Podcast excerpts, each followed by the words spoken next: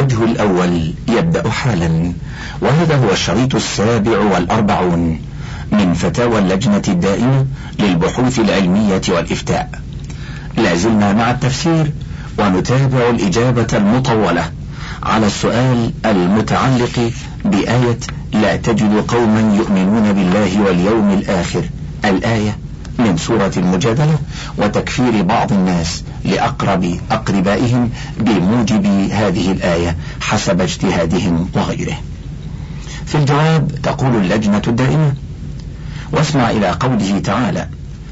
قد كانت لكم أسوة حسنة في إبراهيم والذين معه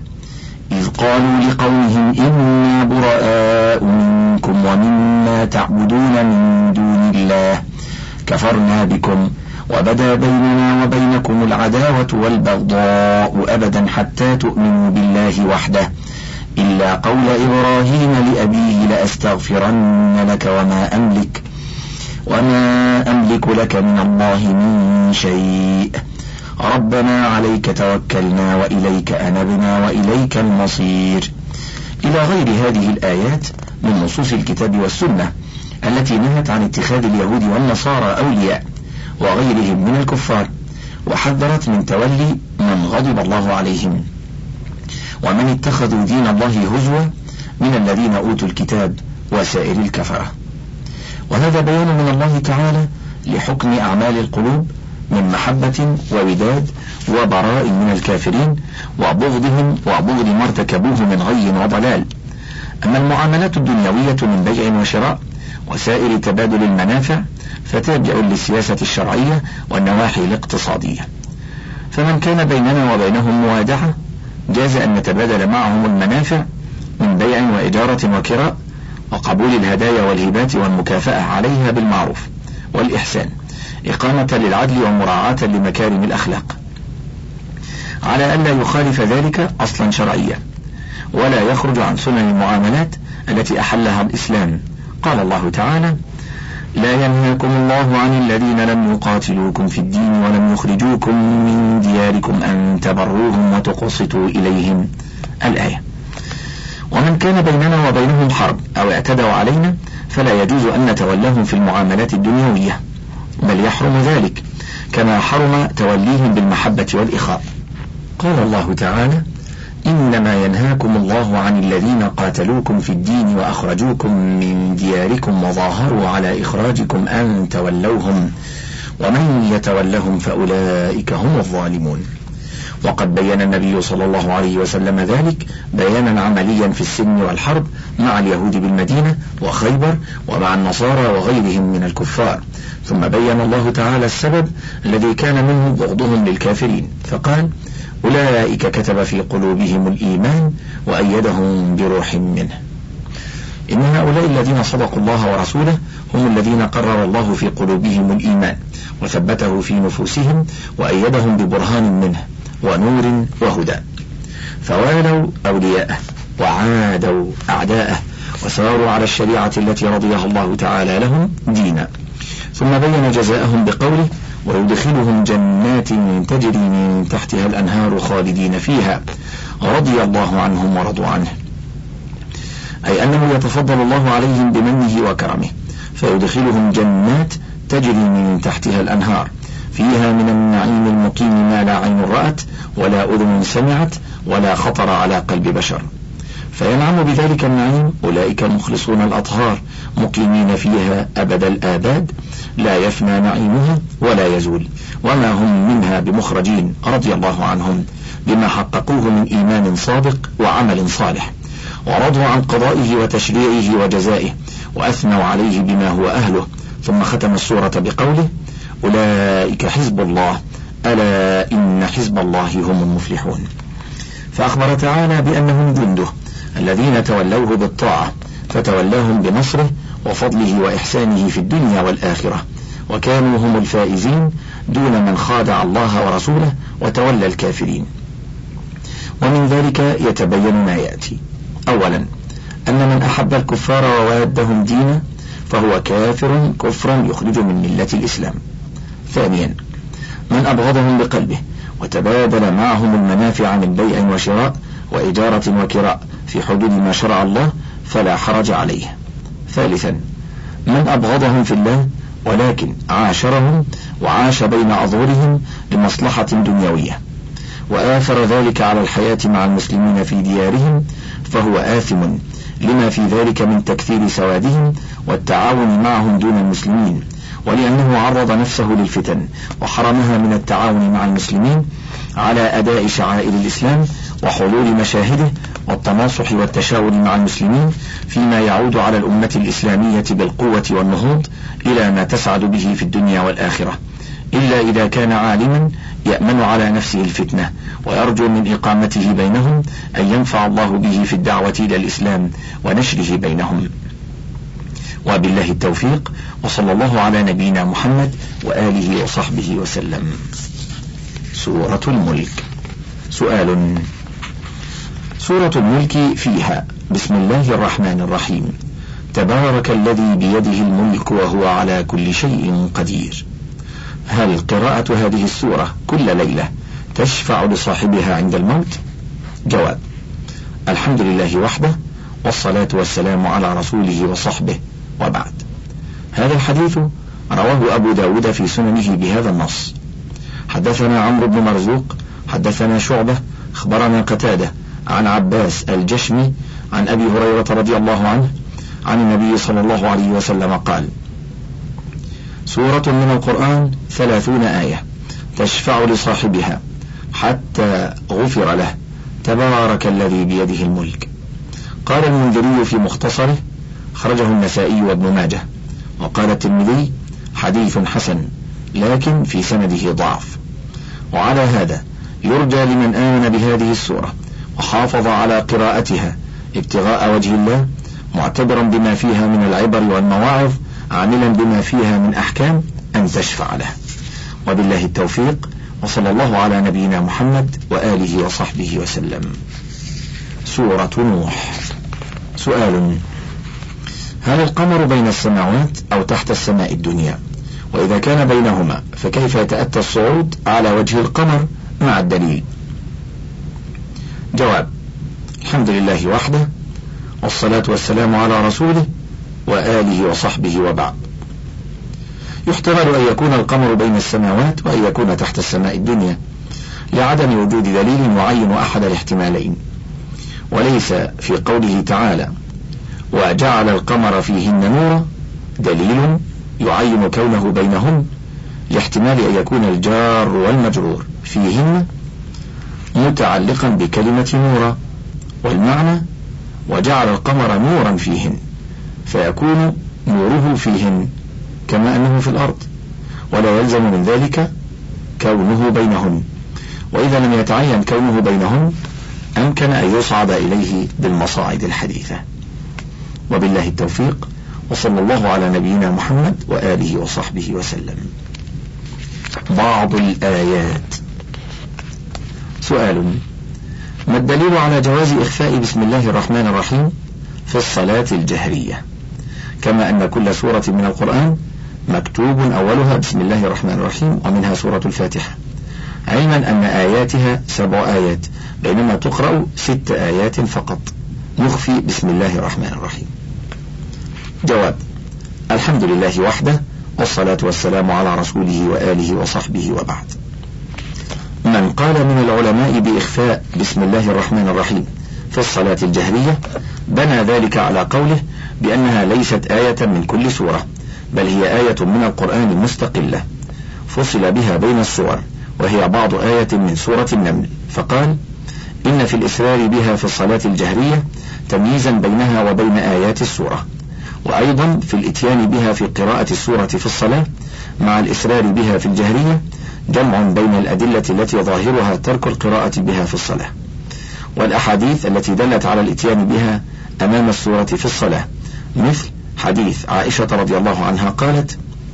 كان رسول الله صلى الله عليه وسلم يفتتح الصلاة بالتكبير والقراءة بالحمد لله رب العالمين وحديث أنس رضي الله عنه قال صليت خلف النبي صلى الله عليه وسلم وأبي بكر وعمر وعثمان فكانوا يفتتحون بالحمد لله رب العالمين ولمسلم لا يذكرون بسم الله الرحمن الرحيم فحملت هذه الأحاديث على ترك الجهل بها دون تركها بالمرة جمعا بين هذه الأحاديث والأحاديث الدالة على القراءة بسم الله الرحمن الرحيم في الصلاة وأما أننا نقرأ الفاتحة ست آيات فقط فغير صحيح باتفاق فإن من اعتبر البسملة آية من كل سورة حتى الفاتحة عدها آية من الفاتحة وما بعدها ست آيات ومن لم يعتبرها آية من الفاتحة عد صراط الذين أنعمت عليهم آية وما بعدها إلى آخر الفاتحة آية فصارت سبع آيات بدون البسملة سؤال ما تفسير قوله تعالى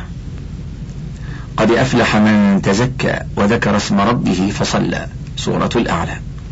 جواب أي قد فاز بجنة ربه ورضوانه من تطهر من الكفر وسائر المعاصي والأخلاق الخبيثة بالإيمان بالشريعة الإسلامية والعمل بالطاعات ويدخل في عموم ذلك أداء الزكاة وصلة الأرحام وما يتصل بهذا من الصدقات والإنفاق في وجوه البر والإحسان وذكر اسم ربه وولي نعمته سبحانه ذكر إجلال وإعظام ومراقبة له ومعرفة لحقه فحمله ذلك على أداء الصلوات الخمس في أوقاتها جماعة في بيوت الله ويتبع هذه صلاة العيدين وسائر نوافل الصلوات ولم يخص الله بعضا مما ذكر دون بعض فعم ما تقدم وما في حكمه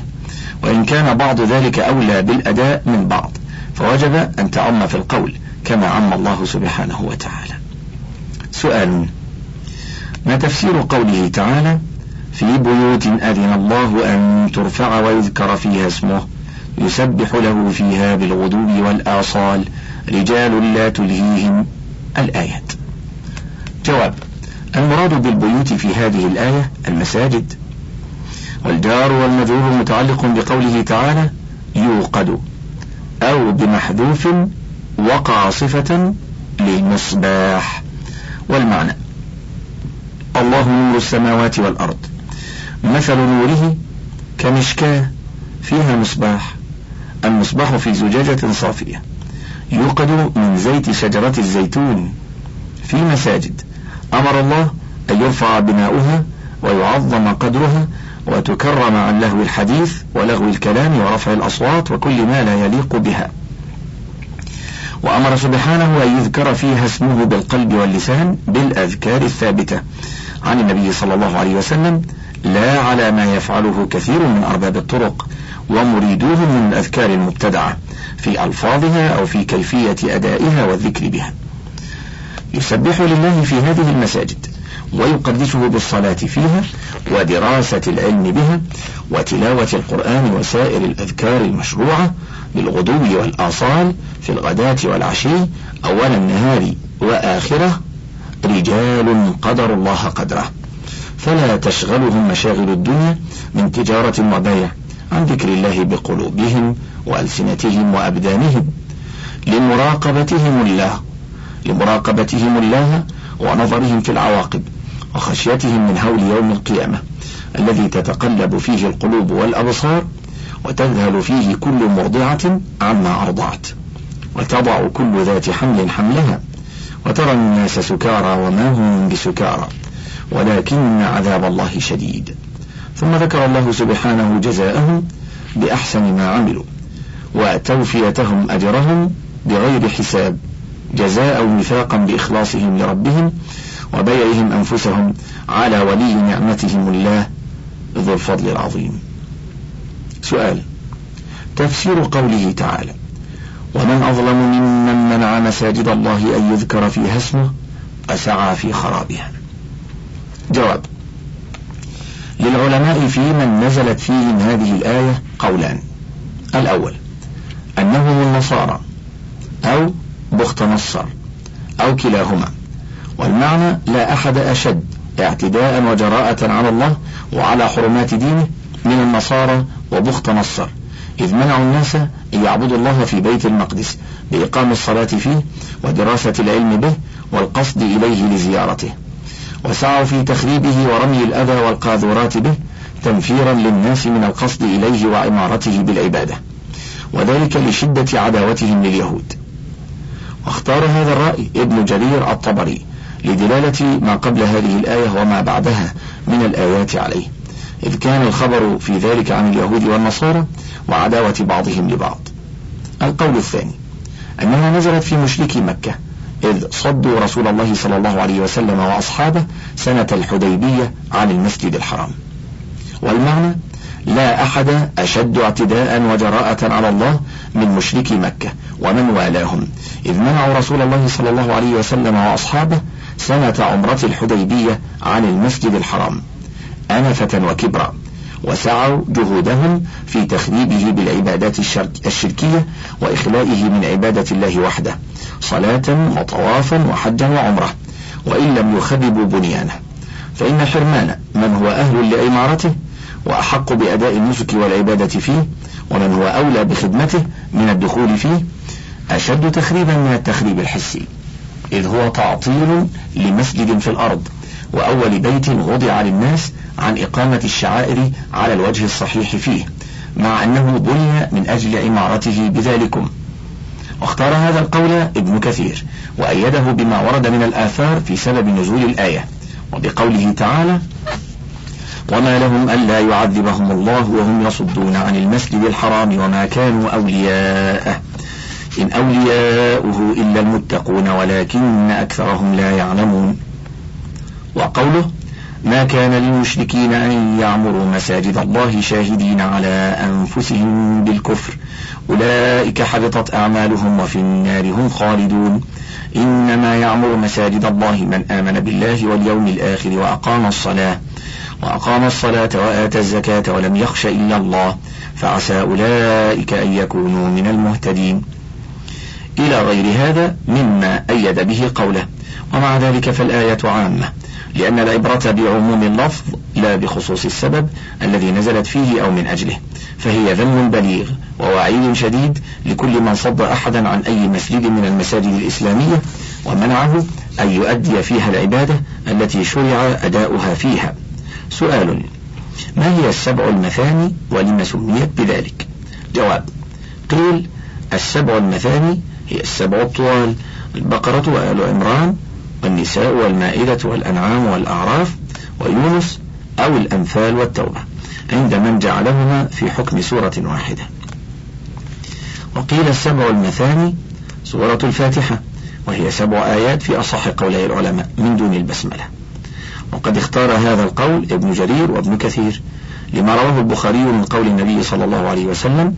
لأبي سعيد ابن المعلى في فضل الفاتحة هي السبع المثاني والقرآن العظيم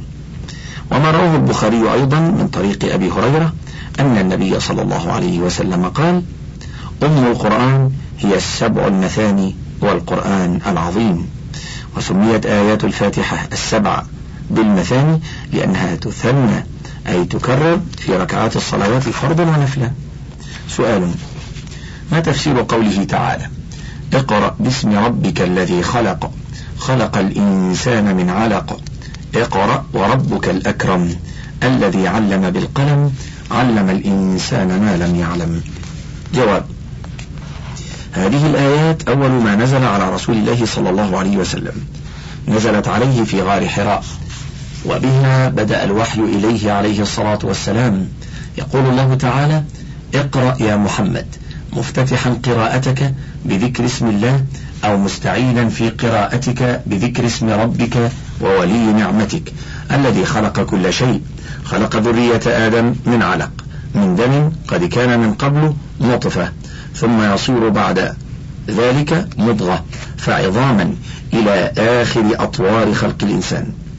فعمم سبحانه في ثنائه على نفسه بأنه تفرد بخلق كل شيء ثم خص الإنسان تكريما له وتمهيدا لذكر ما امتن به عليه من نعمة الكتابة والعلم ثم أمره مرة أخرى بالقراءة تنبيها إلى عظم شأنها وحثا على العناية بها ثم أثنى, ثم أثنى سبحانه على نفسه بأنه رب كل شيء ومليكه وأنه تفرد بكمال الكرم والجود ومن ذلك ما آتاه الله محمدا من النبوة والرسالة وما خصه به من معجزة القرآن وهو الأمي الذي لا يقرأ ولا يكتب صلى الله عليه وسلم ومن كمال كرمه وفيض نعمه أنه علم الإنسان الكتابة بالقلم وأنه علمه ما لم يكن يعلم مما لا يحصى عده ولا يقدر قدره وما كان له ذلك لولا أن من الله عليه وأسبغ عليه عظيم نعمه فتبارك الله أحسن الخالقين وسعت رحمته كل شيء وهو أحكم الحاكمين سؤال ما تفسير الآية التي في سورة النمل إنه من سليمان وإنه بسم الله الرحمن الرحيم ألا تعلوا علي وأتوني مسلمين جواب كتب سليمان عليه الصلاة والسلام إلى بلقيس وقومها كتابه وأرسله مع الهدهد وأمره أن يلقيه إليهم وينظر ماذا يفعلون ولما وصل الهدهد بالكتاب إلى بلادهم ألقاه إلى بلقيس فقرأته فإذا فيه بسم الله الرحمن الرحيم ألا تعلوا علي وأتوني مسلمين ولما عظم شأن هذا الكتاب عندها وهالها أمره جمعت أشراف قومها وقالت لهم إنه ألقي إلي كتاب فيه رفعة وشرف وعزة وعلو وعلو منزلة ومكانة ثم أخبرتهم من أرسله وأتبعته بما تضمنه فقالت إنه من سليمان وإنه بسم الله الرحمن الرحيم ألا تعلوا علي وأتوني مسلمين يعني لا تترفعوا علي ولا تتكبروا وأتوني طائعين مذعنين موحدين الله مخلصين له الدين وبالله التوفيق وصلى الله على نبينا محمد وآله وصحبه وسلم سورة العاديات سؤال ما تفسير قوله تعالى والعاديات ضبحا فالموريات قدحا فالمغيرات صبحا وما معنى قوله والعاديات أفتوني جزاكم الله خيرا جواب الحمد لله وحده والصلاة والسلام على رسوله وآله وصحبه وبعد العاديات ضبحا أي والخيل المسرعات في سيرها إسراعا شديدا نشأ عنه الضبح وهو صوت نفسها الذي يتردد في صدرها من شدة سيرها فالموريات قدحا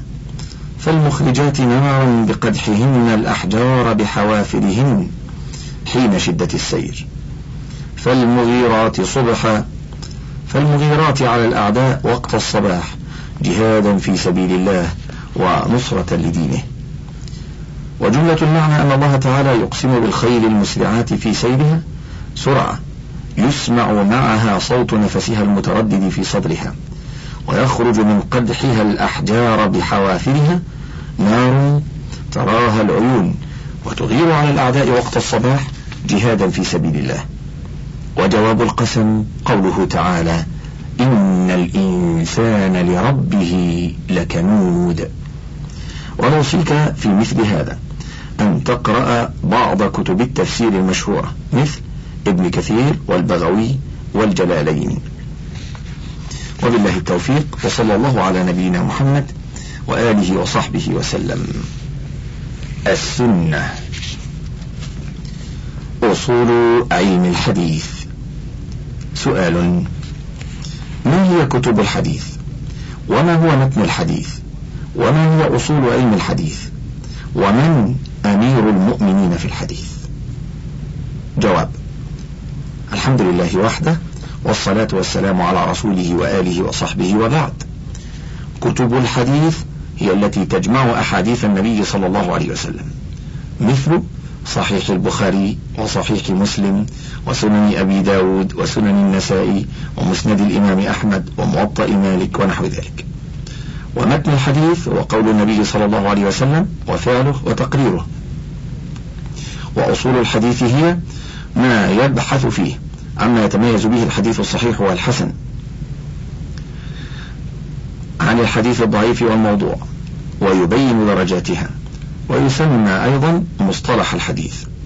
ومن كتبه مقدمة ابن الصلاح وألفية العراقي والتقريب للنووي ونخبة الفكر لابن حجر إلى آخره عزيز المستمع لم يرد في الجواب الرد على من أمير المؤمنين في الحديث ولعله شعبة بن الحجاج والله أعلم وبالله التوفيق وصلى الله على نبينا محمد وآله وصحبه وسلم سؤال كيف نعرف الأحاديث الضعيفة أي المنسوبة إلى الرسول صلى الله عليه وسلم؟ وهل يوجد في كتاب صحيح البخاري ومسلم أربعة وستون حديثا منسوبة إلى حبيب الرحمن صلى الله عليه وسلم وكيف نعرفهم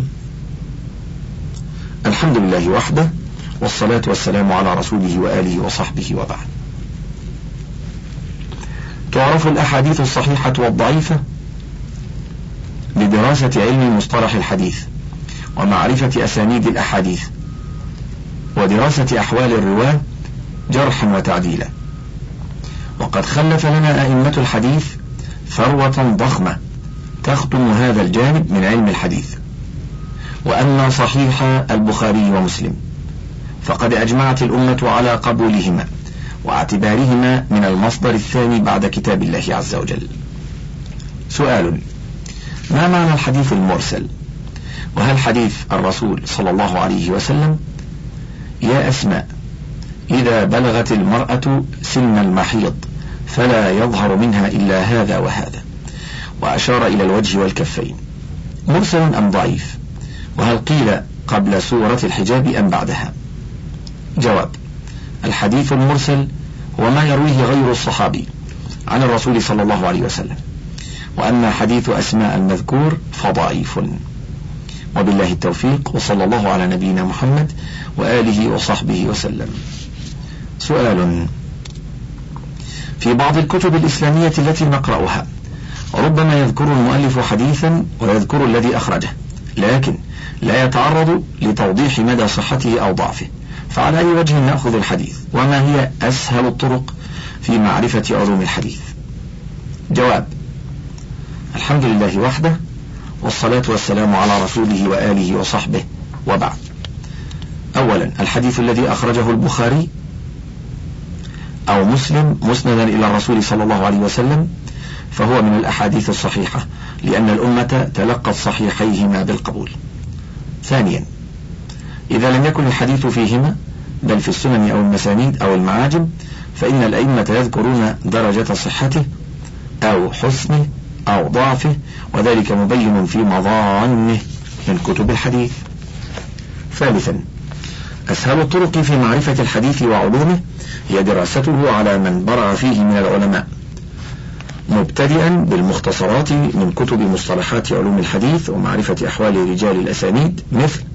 نخبة الفكر وشرحها وألفية العراقي وشرحها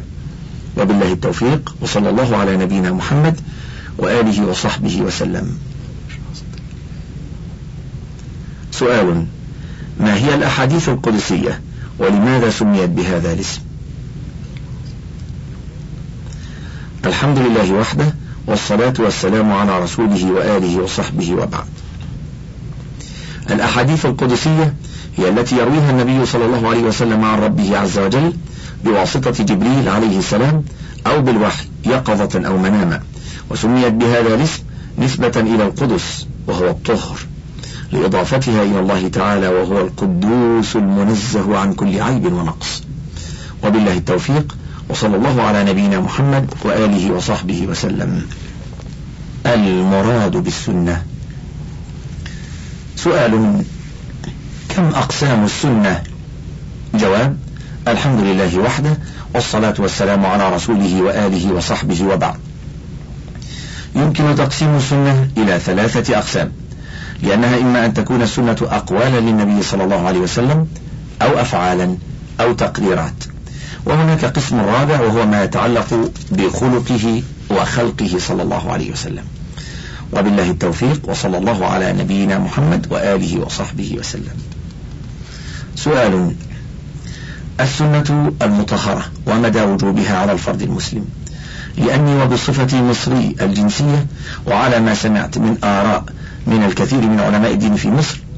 بأن السنة بصفة عامة هي أقوال وأفعال للرسول صلى الله عليه وسلم إن فعلتها فسوف يكون لي بها ثواب من الله سبحانه وتعالى وإن تخليت عنها فلن أحرم من ثوابها ولا يكون علي ذنب أو إثم مما دفعني للكتابة إليك التضارب الكبير الذي أجده بين ما تعلمته في مصر وبين ما أسمعه هنا في مكة المكرمة وما أقرأه من كتب دينية ومقالات الكثير من العلماء في المملكة